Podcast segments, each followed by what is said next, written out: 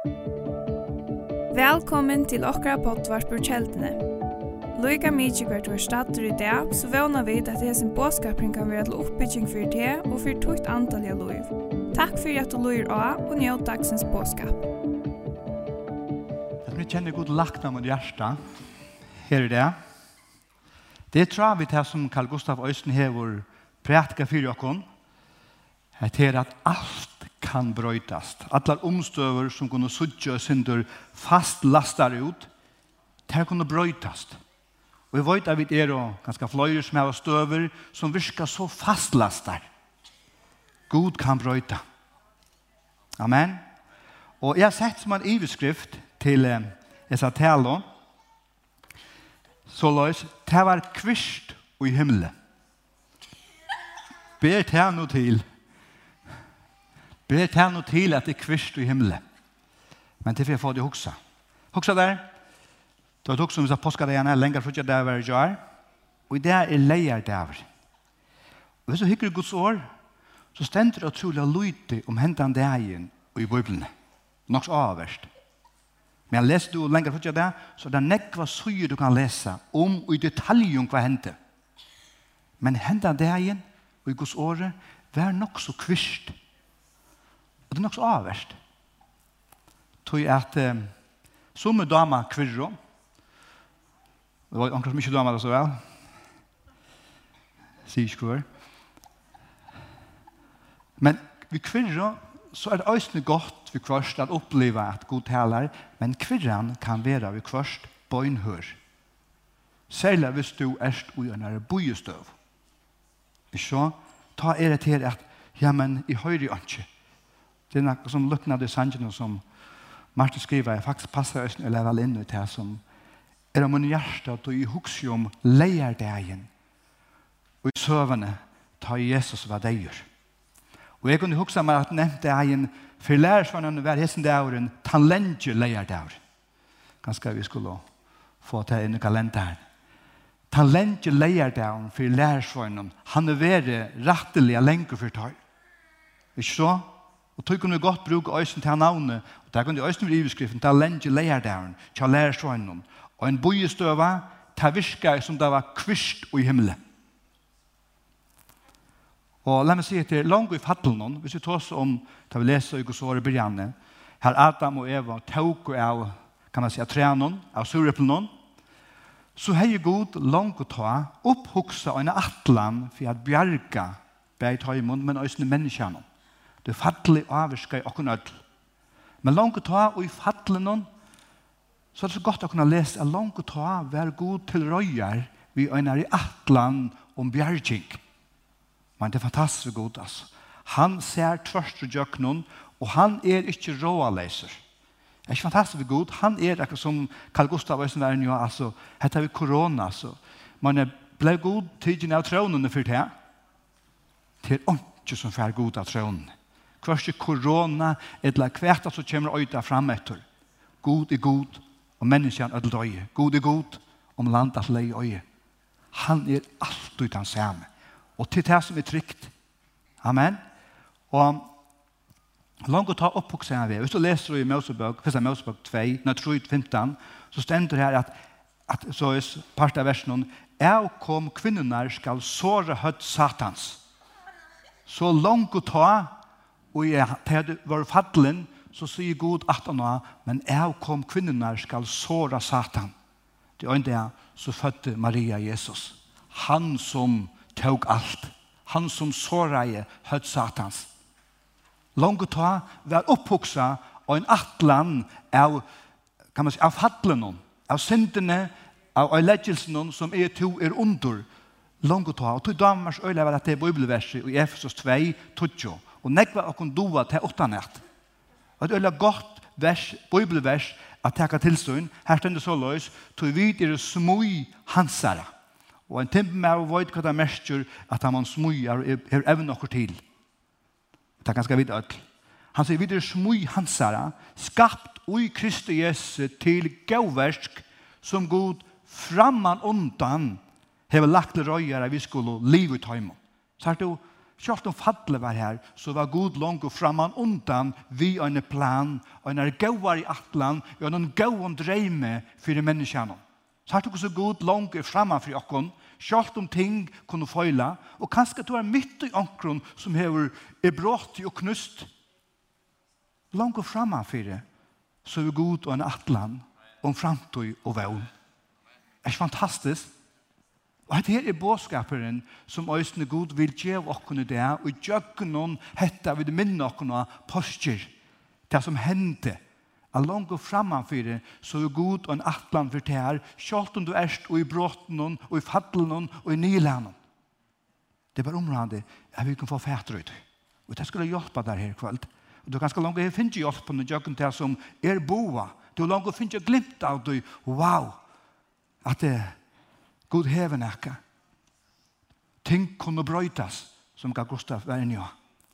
Og det er just her jeg vil øsne minna dja og byrste opp ut under løyvi. Øsne du som lujer og ha, at du kan få fætre ut atter til som God vil. Og det tog Jesus kom. Han kom til bjergjeng, han kom til utfrujan, og Bibelen sier, han som soneren fær fruja, han verer av sonnen fralser. Ikke så?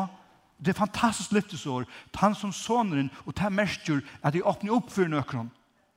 Til at han kommer inn, soneren, så kommer fralse, så kommer bjergjeng, så kommer utrya. Hoksa der, lær svan han er. Tar bli kattlar av Jesus.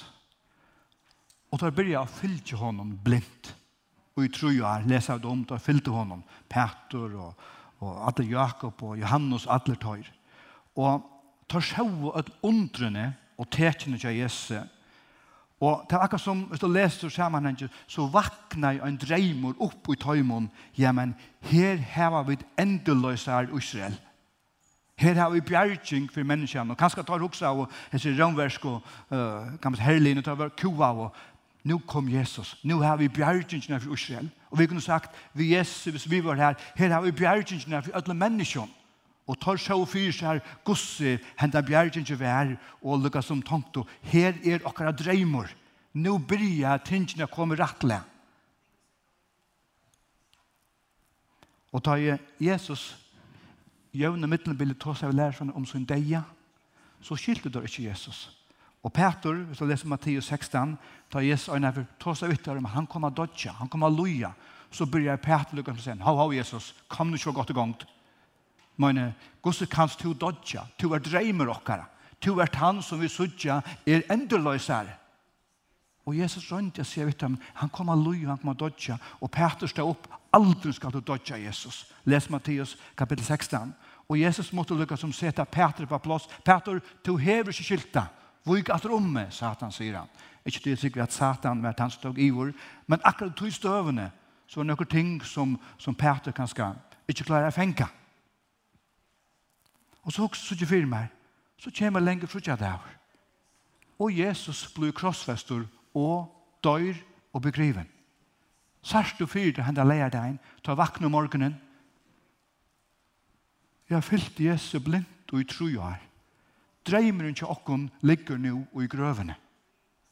Her som vi så løsnene, utrujene, bjergjeng og Nå ligger dreimeren og i grøvene. Jeg vet ikke om du har haft dreimar som ligger i grøven i løtene. Vet du, vi har av hver ting og så gjør fyri okken og knappelig så for alt er knus. Det som er to en dreimor ligger just nu og i sørlig i grøvene. Og du husker, hva gjør jeg nå? Dreimeren tja lærersøgnen vendte om til en marrodreim.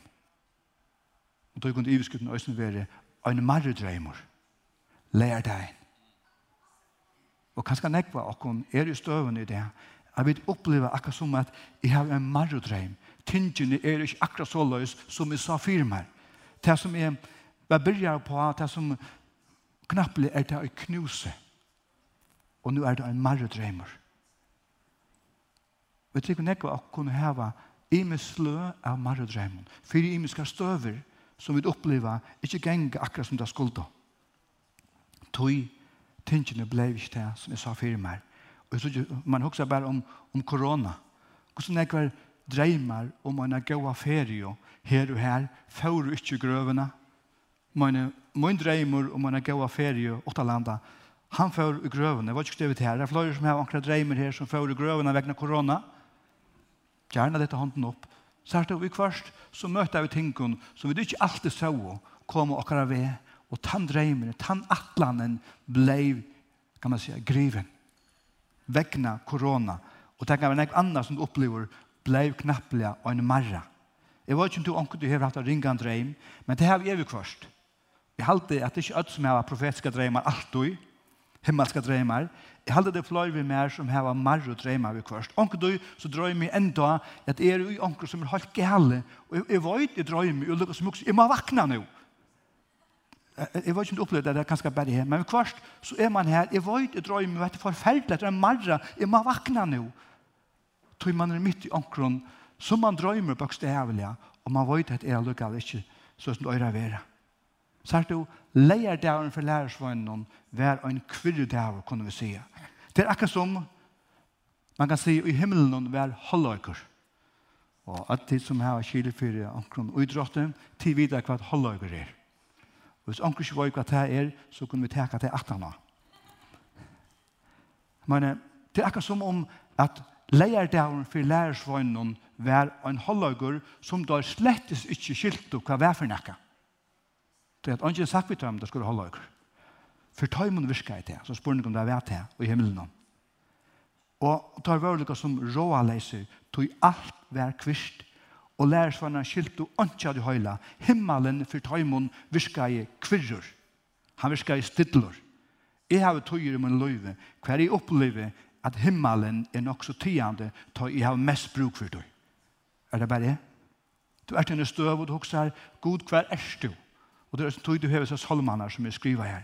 God, hver er du? Jeg råper av det, kattler av det, og du sverer meg ikke. Er God, hver er ferie? Han kunde färdig, här har inte korona i himlen. Men han färdig inte färdig. Han är alltid här. Och han var ut. Det är akkurat som i skolan. Ta du teker testerna, teker rönterna. Ta er läraren kvirror.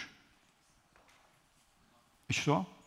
Ta du teker testene, røntene, ta er læreren kvirrer. Du tar det du skal avprøve det som han langt og hever lærste. Og tog kunne vi oppleve, vi standa midt i en test. Det virker som om himmelen er kvirrer. Men Gud har lært til meg akkurat. Og han bøyer han lød synder. Han tjekker lykke av. Kom on, jeg har, Jeg har lagt ut det. Og vi får ødelig gjøkken og tar tøyer hver disse her testene virker, kan man si, forferdelige. Og hva stod? Vi er mennesker færre jøkkenon hese tøyer av imeskon testen, imeskon røyndon, som om at det ser ut som om at læreren bare hikker et mer. Og han er totalt kvirrur. Herren er totalt kvirrur. Himmelen virker kvirrur. I Matteus 22, vers 2-6, her har vi nok det øyneste steget, halvdige, sier jeg vi hukt rett, her det skriver et synder om hva hendte leier deg og i midtelen frutja det og fyrsta påska morgon. Det stender her at det var om eh, det var skriftlært, farsierne.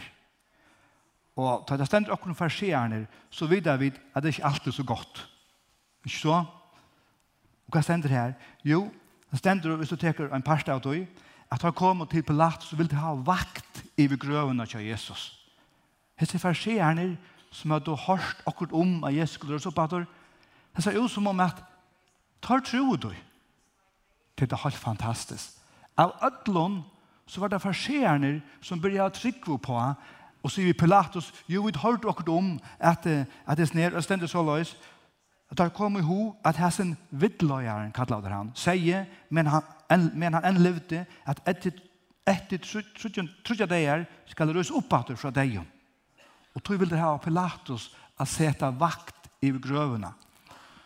Og så ångte hukse sier, at, ja, men, gav oss til oss, så først er det vi som øya tryggva, som burde tyde det, men knappløs er det fudgjenden, møstå falskje, som ser, og vi kvart er opplevet det så, nesten som om at møstå falskje, øyne i det, setter dagsordan. Så det er veldig kan det som farserende gjør det. Du tar tro og nesten mer enn lærer hverandre. Og det er jo ikke han tog at tar vøre og, jeg må si, totalt forvirreier og hadde mist dreimen Og vi kvart, så kan det være at det her hava rett. Eller Guds vil halda at det hava rett. Vi Guds reime, for tær og for mer, så vil jeg ut oppleve til tøyer, jeg vil oppleve en nottar, det som en nottardreimer kommer av og en marredreimer. Hvis du god har tala, lagt akkurat ut hjärsta, giv der nekka som du ser fyr der, så kan du vanta at det vil komme onkur marru dreimur av enom. Det er ofta tekin om at det er hever nekka som god vil vi tær og framtøyene. Tøy at nottar marran hever til mal at stjæla dreimen fra der. Og det var det jeg fortjene vilti vi lærer sånn. Stjæla hendan dreimen. Så er det vi kvarst så er okkara pyna, vi kvarst er marran gøtan til oppfyllingen, til oppfyllingen av dreimen. Men kvart er tann marre dreimur, ta, ta som du opplever harst, gøtan til oppfylling av dreimen som kan være en pyna. Du kommer til det. Og det er av Jesus, Golgata, Getsemana, vær gøtan, vær marran til Jesus til, kan man säga, dreimen som god heier for samkomne. Det er stendur i Matteus 16, 18, så løs, Han sier, jeg vil bytja samkomma møyna, og postor deians skulle ikkje få valdi av henne. Og dreimeren fyrir hese hese samkomna som hei vald av djevelen til var til at Jesus måtte fære djøkkenon Golgata, djøkkenon krossen, djøkkenon pynena, djøkkenon og en marrodreim fyrir at føa fram sina samkomna og det er ikkje en bygningur skal jeg holdt så sige. Samkomman er menneskje som er uibygningen. Vi ørner er og to videre samkomman som Gud vil det føres fram og tann samkomman hever vald av deier og postor hever vald av marre dreimenon og det må vi få fætter i det er det som gjør at vi kunne røys oss opp og halde ut mitt, mitt, i røndene mitt i testene at vi kommer i jøkkenom Og så har du øyne kvør godgiven dreimer fær møtstå. Men alle min jøknus til å lese Guds år, tar Paulus, tar våre ved forskjellige stednes, så var det ikke alltid som dansere også. Det var møtstøva. Dreimeren som tar sjå fyr seg, fikk møtstøva. Marran kom av tar. Det ble som en gøta geng etter, som en attest, inntil tar inntog og hendan dreimen. Og så er det jo, narre, to kjemer en dreime, herare råpar motståndare. Nærre to kommer dreimen om, utryanene, herrare ropar motståndare akkurat djevelen. Og han røpte i østene, krossfest, krossfest. Sært du? Jesus kom bare nærre, og mor ble ropa. Mor ble, kan man säga, røpt og tog at møtstumæren vil sløtja, vil drepa akkurat dreim. Han rundt jeg steg, stegga gos dreim for samkommende, kunne vi sya. Og ta gjør det han ved å negla Jesus av krossen. Honka du, eller jeg halde ofta, da vi færre jøk noen imskar tester, rønter, et la ut oppleva marrena, om vi skal bruka til året og møtstøvå, så finner vi ut øysene det av hvor vi er. Legg meg til det. Da du får gjøk noen tøyer som er tors for deg, så kommer du også å finne det av hver er jeg. Og i halte vi kvart, så, så leter Herren også noen ting møte akkurat løyen, for jeg tjekker av hva er, hva er motivene av tøy som jeg vil? Er motivene, kan man si, egoistisk, jeg vil, og kvart vil at testene, når, Vi har vidt å rønsa vekk det som ikke skal være her. Og tog trygg vi er, vi får gjøre noen imenskar marr og dreimer vi først, for øysene at sette noen ting på plass, tog at vi gjør noen terrønter, så finner du det av hvor du erst. Og ta kanskje du börja arbeid med noen ting om, da du finner det av hvor er. Og ta en godt en erbjørende, men vi tar øynene som er lov av i okken, atlan veien, atlan veien, Tøy ofte i myskrenon, i tungen tøyen, vi ofte oppleva mennesker som kommer av botten. Så også, hva er det? Jeg har bare god å røyne av. Hva er det? Det er godt å komme her til. Det er han som er løsner. Det er han som kan komme inn og sette tingene og rattle. Det kan godt være at det er en vever av genka. Og hva sier David? Genk er og i dem og dølom. Anki ilt i øttes du tror er vi meg. Her er lyftene vi døya. Ta vi lova okkara fægir. Vi lova Jesus Kristus inn, så kunne vi gengu djøkken og dimma delar. Og han lova vi. Og hvers opplever vi at vi kommer, og vi blir ønsamme. Men han er her. Og ta det han som vi må lytte av framom menneskjøkken Du er så selv om kunne vi mennesker ikke komme vi til utfrøyen som god er. Vi kunne godt være middelenlig som hjelper til og forløser. Men det er veldig en Guds ande og Guds liv som løser ut det som Gud vil gjøre til noe liv. Vi løser ut til en dreim. Eller det som du har mist som fudgjende møvelig hever ståle fra deg. Så er det jo nærre du er dreimen om større kunne erbjørnger blivet. Det er som man ser i utrådet, finalene som kommer, det er ofte at de gode, de beste liene som kommer her til, i finalen. Og det kan godt være at du er just her nå. To møter tar man skal bruke året, man større dæmonene på nå. Dem større, kan man säga, motstøvende som vil komme av til. Og for David så var Goliath, den større dæmonen som ville lette ham. Men David, som vann av Goliath, han vann øsne seg inn og det som Gud har i atla vi honom. Vi sikrer av Goliath, som David vann, så kom han inn og i det endamale, det som Gud har lagt fram fyren noen. Ta byrja han gløy inn i dette her kongsvelde som Gud har kallet han til. Og jeg sier til her, for jeg viser også, det kan godt være just nå, så har du de større kampene, de større avbjørnene, Men det er kanskje østene en bådskaper om at det tog du er nærre tunnere utfrujan. Til noen djøgnobrottet. Og det er det som tykker østene herren vil si i djøgnen som stevnene. Og østene djøgnen det som, og i Karl Gustav vil ta oss om, hans er er her. Og det er alt som jeg trykker ved, er veldig området for åkken i det. Til dette, er vi østene få olje.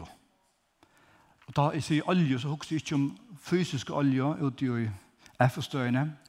Men jeg husker om det himmelske olje. Den oljen som hever kraft, som hever eh, djøgnobrot, som gjør der nytt med. Så jeg vet for meg selv at midt og i øtlenes ned boldren jeg kan merke, amarren jeg kan merke, så det så godt å kunne komme sammen ved øren Guds folk i samkomne og oppleve at man vil byen en det, og man kan mottake avfittling, kan man säga, styrstande trunne tog brøver og syster standa saman.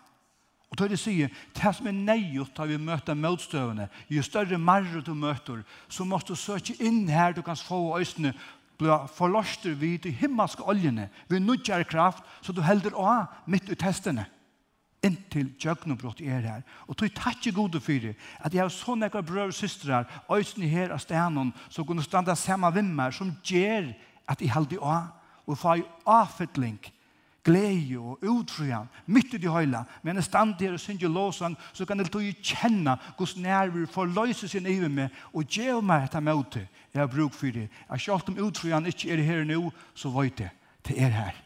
Og dette fer meg halvt av fram og inntekke til som god hever fire mer, og som øyne til god hever fire til her og det. Og det tog du over et jaur til ikke å slippe nå, men halvt av fram. Anker du, Eller en sier så løs, alt verst at gjøre nekka fire, er østene verst at føyla ui. Det vil si, det er ikke gale om vi føyla vi kvørst. Det som blir skøft er at vi blir littjande eller gjør opp. Og det står om måneder. Og jeg tror vi her så nekk vi det, og til som løyer og til er ikke den personen som gjør opp. Selv om du er mist angstens, selv om du er feil angstens, Come on, du erst her, du høyrer år i det, du, du erst han personer som ikke gjør opp. Du røyser de atter. Og Herren, som er vitt der, kommer vi endeløsning, opprett han. Anker du gjør i det her, mitt og i røndene. Men det kan godt være i for min familie, anker jeg støver, for mine bøten. Det kan godt være for sjuk og som plaver, tatt og på. Så gjør jeg til at jeg er trygg, kan man se, ta seg ut det som vi øyer herren. Og det er områdende at vi øyne lærer oss at ta oss ut Guds år i trygg i for en støv som vi tar for. Så det gjør noe vi tar støv og tar oss ut og i trygg. Så jeg har øyne omstøver som jeg enn opplever i stand i fire. Men jeg har øyne omstøver som jeg har finnet jøgnebrott fire. Som jeg kan hitte alle som å, og så ikke, å ja, handan støvan brottis, Jeg fikk djøgnobrottet. Jeg kom og vujere. Men så stand jeg enn for støvun. Her er enn stand i trygg og, og stand i alle om at dette djøgnobrottet kommer øysene. Og det er området vi ikke missa det. Og det er også nøyet at vi gjør det rødt og tingene. Mye vid er og, kan man si, framanfyr avbjørnene. Inntil vi kommer fram om, og nå er det livet. Jeg vil ikke stegge av, ikke gjevast, men halte av fram. Så det er vært tøyer øysen, du kan hitte atra. Å ja, jeg minnes hatta djøkken brott. Jeg minnes hæsa utrøyene. Jeg minnes hæsa grøyene. Samtidig som stand enn framme for omkron, jeg hette øy øysene. Og tøy er det så godt å høyre det som god gjør i okra løyve, at han møter okkom. Og tøy sier, atler mine dreimar er ikke atler oppfyllter enn. Mine dreimar her og for samkommen her, Det er ikke alt kommet av malen. Det er flere drømmer kommer av mal, men det er nekk etter enn som jeg kan stretja meg fram med møter. Et eller annet drømmer for min familie, det er nekk oppfylter, men det er flere etter enn at inntekka. Og så husker jeg østene at jeg har drømmer for okkara førja land. Jeg tykker det er nekk mer som heva, og kanskje selv eldre atterlig husker så løs, at jeg har drømmer for okkara land om at her at suttja at land røyser seg opp og heldur fast i tog som kan man säga okkara attarlig hever lagt lunnar under at de er kristne og virne. Og i kvars, eller hvis jeg færre 25 år atter i togene og tar dreimar i hei for hva land ta, så må jeg si av i kvars at han dreimar i hei for 25 år siden, og så må nøstjon virkar han langre vekk atter. Så også, oh my dear, altså ta i hugsi om nokre ting som kanskje moralst er fattelen i landet i okkara, som jeg og kanskje for 25 år siden sa var betur. Jeg ikke å nøye altså. Men så kan jeg velge at hitje på ta moralska fattle, ta fra fattle, og leta meg, kan man säga, nye trykje av tog, etla jeg kan velge hitje etter Guds dreime for okkara landet, og for etter tog, Du god hever framtøy og vøvn. God vil at vi skulle inntaka til han hever okka land, og er trygg vi på det. Og jeg får kvøyja til og etja til til ikke missa til tog at det kan godt virka i løtene at det synes stilt og i himmelen. Det er ikke kvist og himmel. Herre, vi råpa til tøyen om, om opprørsene av landet. Men herre, himmelen virker så kvirrer. Det er som om at det leier det her. Gå god, la det komme til opprørsner det her nå. Vi trykker vi ikke at det er en opprørsner det her for okra land, okra folk er lengt vekk. Og trykker vi at Er det flere akkurat kunne sudja det, så trykker vi øyne vi til at forløse det. Johannes 12, 24, sier så løs, Sannelig, sannelig, sier tikkun, fettler ikke kvøydekottene, Etla vi kunne sija, fettler ikke set eple og hjørna og døyr, vi er best hitt øyna eple. Men døyr set eple, så ber ta nekvan avvøkst. Hvor døy og for grøvene? Sært du, set eple som vi sitter ned. Jeg var ikke nekva tikkun her, vi er vidla velt onkt. Jeg gjør det nek som smadrangur, ikke så nek langkor, men jeg var et mannagongna. Jeg var anker som damer vel å ned. Men da du kører set eppen nyer, så legger du det under målt. Og vet du hva? Da du gjør det, så kan han leie deg virka lenger. Er det som helsast av tog som du har sett under målt? Han leie deg kan virka lenger. Men så er du, ta set eple, hvis det er som vanligt, så blir det ikke til åndkjøs. Tog jeg tøy tøyen inne, så kunne godt vera stor avvokster under av de øyne seteplene som gav oss et liv for alle hine eplene. Og så er det jo, jeg trykker vi just er du her i det østene. Kristus, han fører i grøvene. Han gav oss et liv. Og lærersvannene sa jo ikke, totalt kvirra. Ikke vøvn, ikke liv. Hver er dreimeren til åkken? Og da er det hun at gjør opp. Så har du, undre hendur øysene under moldene. Det hender nekka vi er tog som verur sett nyer, og her hukser jeg i kvørst at uh, vi hava sett nyer nekvar bøner. Og personer tykker vi at bøner og troar ande er som et seteple som vi setter nyer. Det ser ikke ut i festene, Men ta i tøyen er inne, så hender det ikke. Det er akkurat som det stender om at da Jesus døye, så får han å prætika i for anden om. Hvis det er fast bra kan lese om det. Det vil si at det er ikke helt stilt av lukkavel. Det hender jo okkur som vi ikke skiljer helt, og som vi får glimt av. Det er ikke livet for det om Jesus var grøvende. Han stender for å prætika i for anden om. Bøn er en andans kampur troar andi er vi kvørst en andans kampur. Jeg vil ikke missa det som Gud vil, då han hever gaua atlane fyrir okkon. Og bøn er just hetta strui vi standa i, men vi boja til dreimer gong i oppfyllelse. Og vi kvørst så er den dreimer nek narre enn vi halda. Og ta i tøyen er inne, ta i timingen er her, så kommer djøgnobråte. Djøgnobråte fyrir grøying, grøying, og i familjene. Djøgnebrottet for grøying inn i tutt liv. Djøgnebrott til grøying inn i tutt tjonale. Til tunne familie.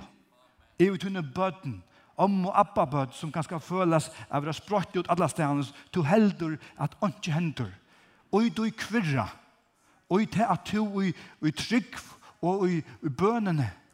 Så forløser du himmelen. Tan andan i omstøvner Og er du vårt av, skal du sutja at du spyrer. Nått liv føres fram. Så det fungerar ta andela livet. Så det fungerar ta, ta himmelska som er lost her og gjør to e to vi halda fast i dreimen mitt og i testene. Og jeg trykker at vi er en tøy av å sutja at dreimar gengur i oppfyllelse. Vi er midt i tøy hver dreimar gengur i oppfyllelse. Jeg sutja fyrir meg og i munnen omstøven, ting som færa brøytas. Jeg så ikke fyrir meg djøknebrott. Amen. Jeg så ikke fyrir meg at hessner marre dreimeren som er vere, her fudgjende røyna forskretja, han misser så tek. Så jeg så ikke Guds versk forlost her og gjør. En iver omstøver som ut det menneskeslige er omøvlet, men til gode er alt møvlet. Amen. Og dette vil jeg ta oss inn i tøyna støver. Du som er til. Du kan kjenne som Paul, jeg har mist sånn ekv. Du erst her, du heile andre vil si av vitte. Jeg har gode atlaner. Jeg har fremt og vøvn. Jeg har opprattan. Jeg har djøgnombrott for det.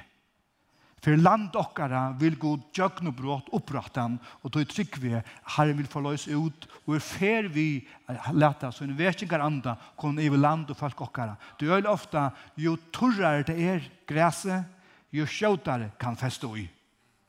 Og ta sprøye seg. Amen. Vil du täcka det her til du in? Låt ta ett punkt av rett. Etter upprörsna så har vi torboar lärsvannarna. Ikke de tøll, men nokka veri uges rikvin her, som våra ved til Emaus. Du kjenner Lukas kapittel 24. Og tar var totalt øyne møtleiser. Det var akkurat som min lærersvannarna, hesten leierdagen er forferdeligur Og nå var det ved og djinko, og det var ikke klar i vårt, det var djinkner inne i påska morgen. Og knappelig så var Jesus sammen vidt heimen. Men tar fengt av det ikke. Egen ikke dem, ta åpna oss ikke. Jesus pratet vidt der her av venen og fortalte dem alt, og tar huksa av, og hver er som hver stu, kjenner du ikke til støvene, han som var støvene, kunne vi si. Men, vi kvart, så er ei okkara vi kvart blokkera Vi sutt ikke løsnare framfyr okken, til han er her.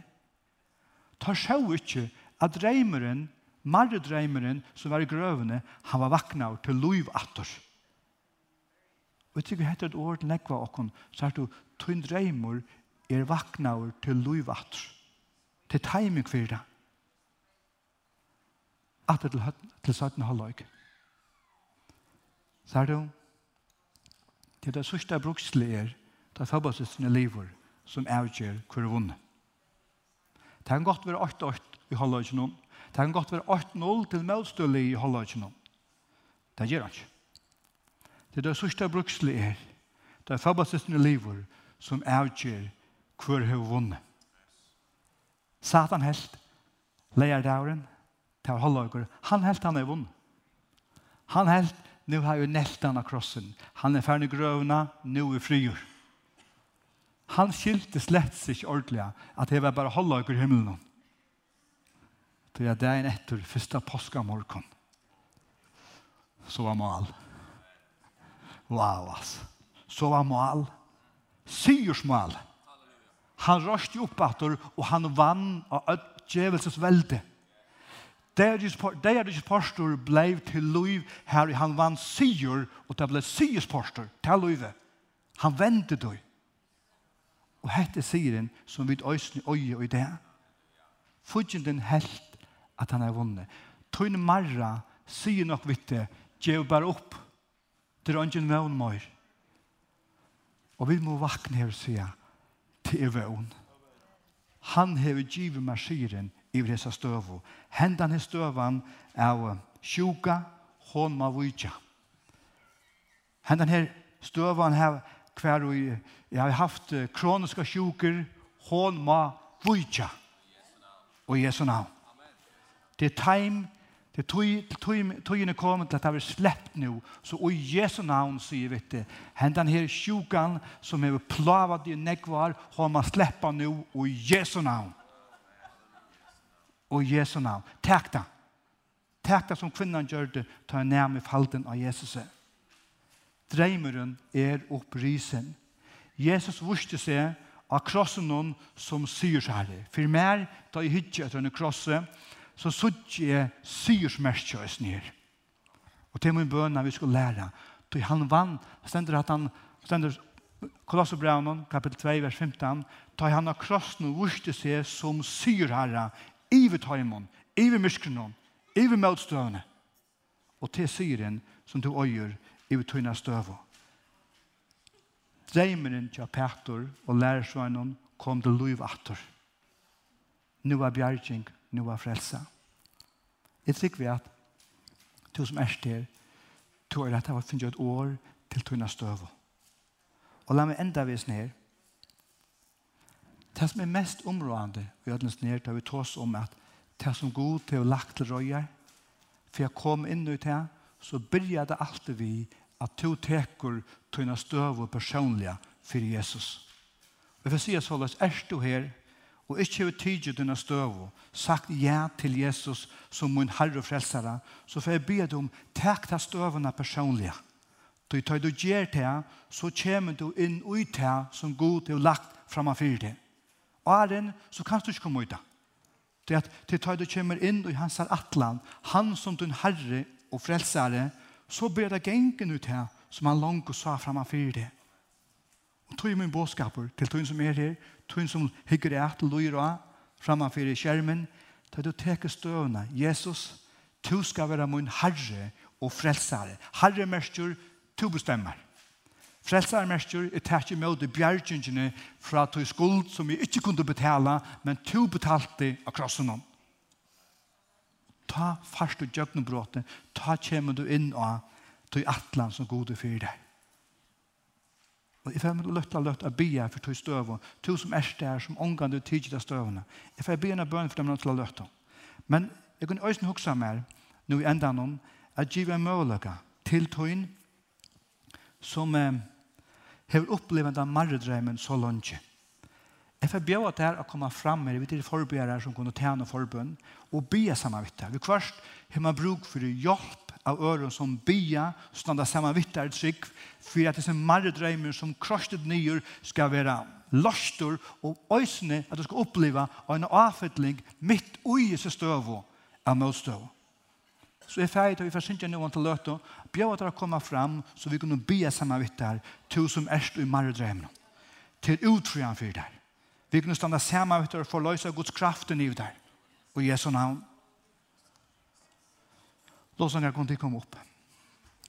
Halleluja, Jesus. Halleluja, halleluja. Takk, Jesus. Takk, Jesus. Kunne vi alle røyse oss? Kunne vi alle røyse oss? Vi gjør alt nå først. Halleluja. Takk, Jesus. Takk, Jesus. To som er her, og to som sitter fremme for skutja. Det får til her, at jeg kan ha støver for Jesus. Jeg vet at Gud vil menneske til frelse her og nå, just nå. Det er tog til frelse i det. Det er frelse der. Og to er der, du sier det mulig her, eller du sier det fremme for skutjen, eller du høyrer. Det er tog ikke til at jeg kan ha støver at sier ja til Jesus.